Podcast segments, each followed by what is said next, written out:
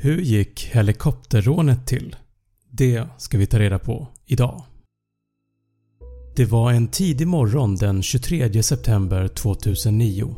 I uppräkningscentralen tillhörande säkerhetsföretaget G4S värdedepå som låg i Västberga i Stockholms kommun arbetade de anställda i lugn och ro med att räkna pengar. Strax efter klockan 5 på morgonen så hör de ett ljud som närmar sig byggnaden. Det lät som en helikopter. En av kollegorna sa att helikoptern måste vara väldigt nära med tanke på hur högt och tydligt man hörde den. De anställda stänger av maskinerna som räknade pengarna för att kunna lokalisera ljudet bättre. Ljudet utanför byggnaden var nu ännu högre än tidigare och man kunde även höra att det slog och dunkade på taket. Personalens gruppledare ger alla order om att säkra alla pengar. Pengarna placerades på vagnar som kördes in i gallerburar. Personalen satte sig i ett hörn av lokalen när ljudet från helikoptern plötsligt avtar. Någon minut senare hörs en explosion. Personalen blev nu mycket rädda och situationen blev inte bättre av att bara någon minut från första smällen så hörs en explosion till. Och sen en tredje explosion, mycket kraftigare än de andra två. Personalen inne i byggnaden hade ingen aning om att de just nu var med om det rån som skulle bli det mest spektakulära rånet i svensk kriminalhistoria.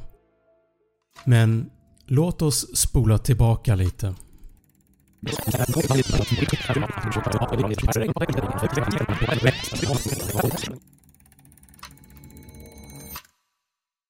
Det var en tidig morgon den 23 september 2009. Klockan 05.19 landar en vit helikopter av modellen Bell 206 Jet Ranger 2 på taket till byggnaden. Helikoptern hade stulits från en hangar i Norrtälje och tillhörde Roslagens helikopterflyg. Några personer kliver ur helikoptern och slår sönder en glasruta med en slägga i det pyramidformade glastaket. 05.20 Männen tar sig ner i byggnaden med hjälp av en förlängningsbar stege. Enligt vittnen så är det en person kvar på taket. 05.22 Nu är alla män tillbaka på taket igen och 05.24 kastar männen ner någonting i hålet och strax efter smäller det till. Efter smällen kastar de ner svarta sopsäckar i hålet och sen klättrar männen ner i byggnaden igen. Mellan 05.27 och 05.35 spränger sig männen förbi dörrar i byggnaden för att komma längre och längre in. Klockan 05.40 syns tre män i en övervakningskamera. De bär masker, mörka kläder och var även beväpnade. Med hjälp av en motorkap så sågar männen upp metallburarna där pengarna finns och sen börjar de fylla sina säckar med pengarna.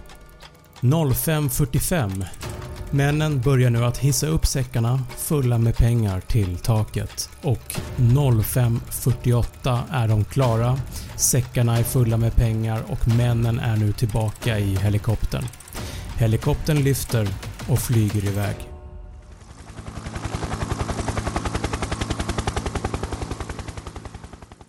Enligt polisen så tog hela rånet endast 29 minuter. Från 05.19 då helikoptern först landade till 05.48 då den lyfter och flyger iväg. Varför följde inte polisen efter dem? Rånarna hade tänkt på det här och placerat ut kedjor med fotanglar på marken i Västbergaområdet. En fotangel är formad så att oavsett hur de placeras på marken så är en av spetsarna riktade uppåt vilket gör det enkelt att bara kasta ut dem på en väg. Detta gjorde så att det blev svårare för polisen att komma fram till byggnaden. Rånarna visste också att polisen skulle försöka följa efter dem i sina polishelikoptrar. Så för att förhindra det här så hade rånarna i förhand placerat ut bombliknande föremål på polisens helikopterbas i Myttinge. Detta gjorde att poliserna inte kunde använda sina helikoptrar. Efter att bombtekniker hade varit på plats så kunde det fastställas att föremålen var attrapper, alltså fake, inga riktiga bomber. Men när man upptäckte det här så var det för sent och rånarna var redan klara för länge sen. Så hur mycket pengar fick rånarna med sig? Under de 29 minuterna så lyckades rånarna få med sig 39 miljoner kronor. Helikoptern flög vidare mot horisonten och rånarna levde lyckliga i resten av sina dagar. Eller i alla fall i några dagar. Vid 8-tiden samma morgon som rånet skedde hittades helikoptern som rånarna använde övergiven i ett skogsbryn ungefär 2 mil norr om Stockholm. Rånarna trodde ett tag att de hade kommit undan men som sagt, bara i några dagar. Piloten till helikoptern greps på Arlanda när han hade tänkt att åka till Kanarieöarna. En av rånarna greps i den Dominikanska republiken och en till greps efter att ha blivit stoppad av en polis i sin bil utanför Café Opera i Stockholm. Totalt så dömdes sju personer för rånet. Två av dem fick 7 års fängelse för grovt rån som senare förlängdes till 8 år. Fyra andra fick fängelse för medhjälp till grovt rån där de fick 2 år, 4 år, 5 år och 5 års fängelse. En person fick 1 års fängelse för skyddande av brottsling. Helikopterrånet är det mest spektakulära rånet i svensk kriminalhistoria. Själva rånet är planerat och utfört till perfektion. Förutom själva flykten då förstås. Även om sju personer dömdes för rånet så är det fortfarande oklart om hur många som var inblandade. Och vad hände med pengarna? De 39 miljoner kronorna som rånarna fick med sig är fortfarande spårlöst borta. Jag hoppas att du tyckte att det här var intressant. Snabb fakta finns även som en YouTube-kanal där du kan se alla avsnitt med rörlig bild. Tack för att du har lyssnat.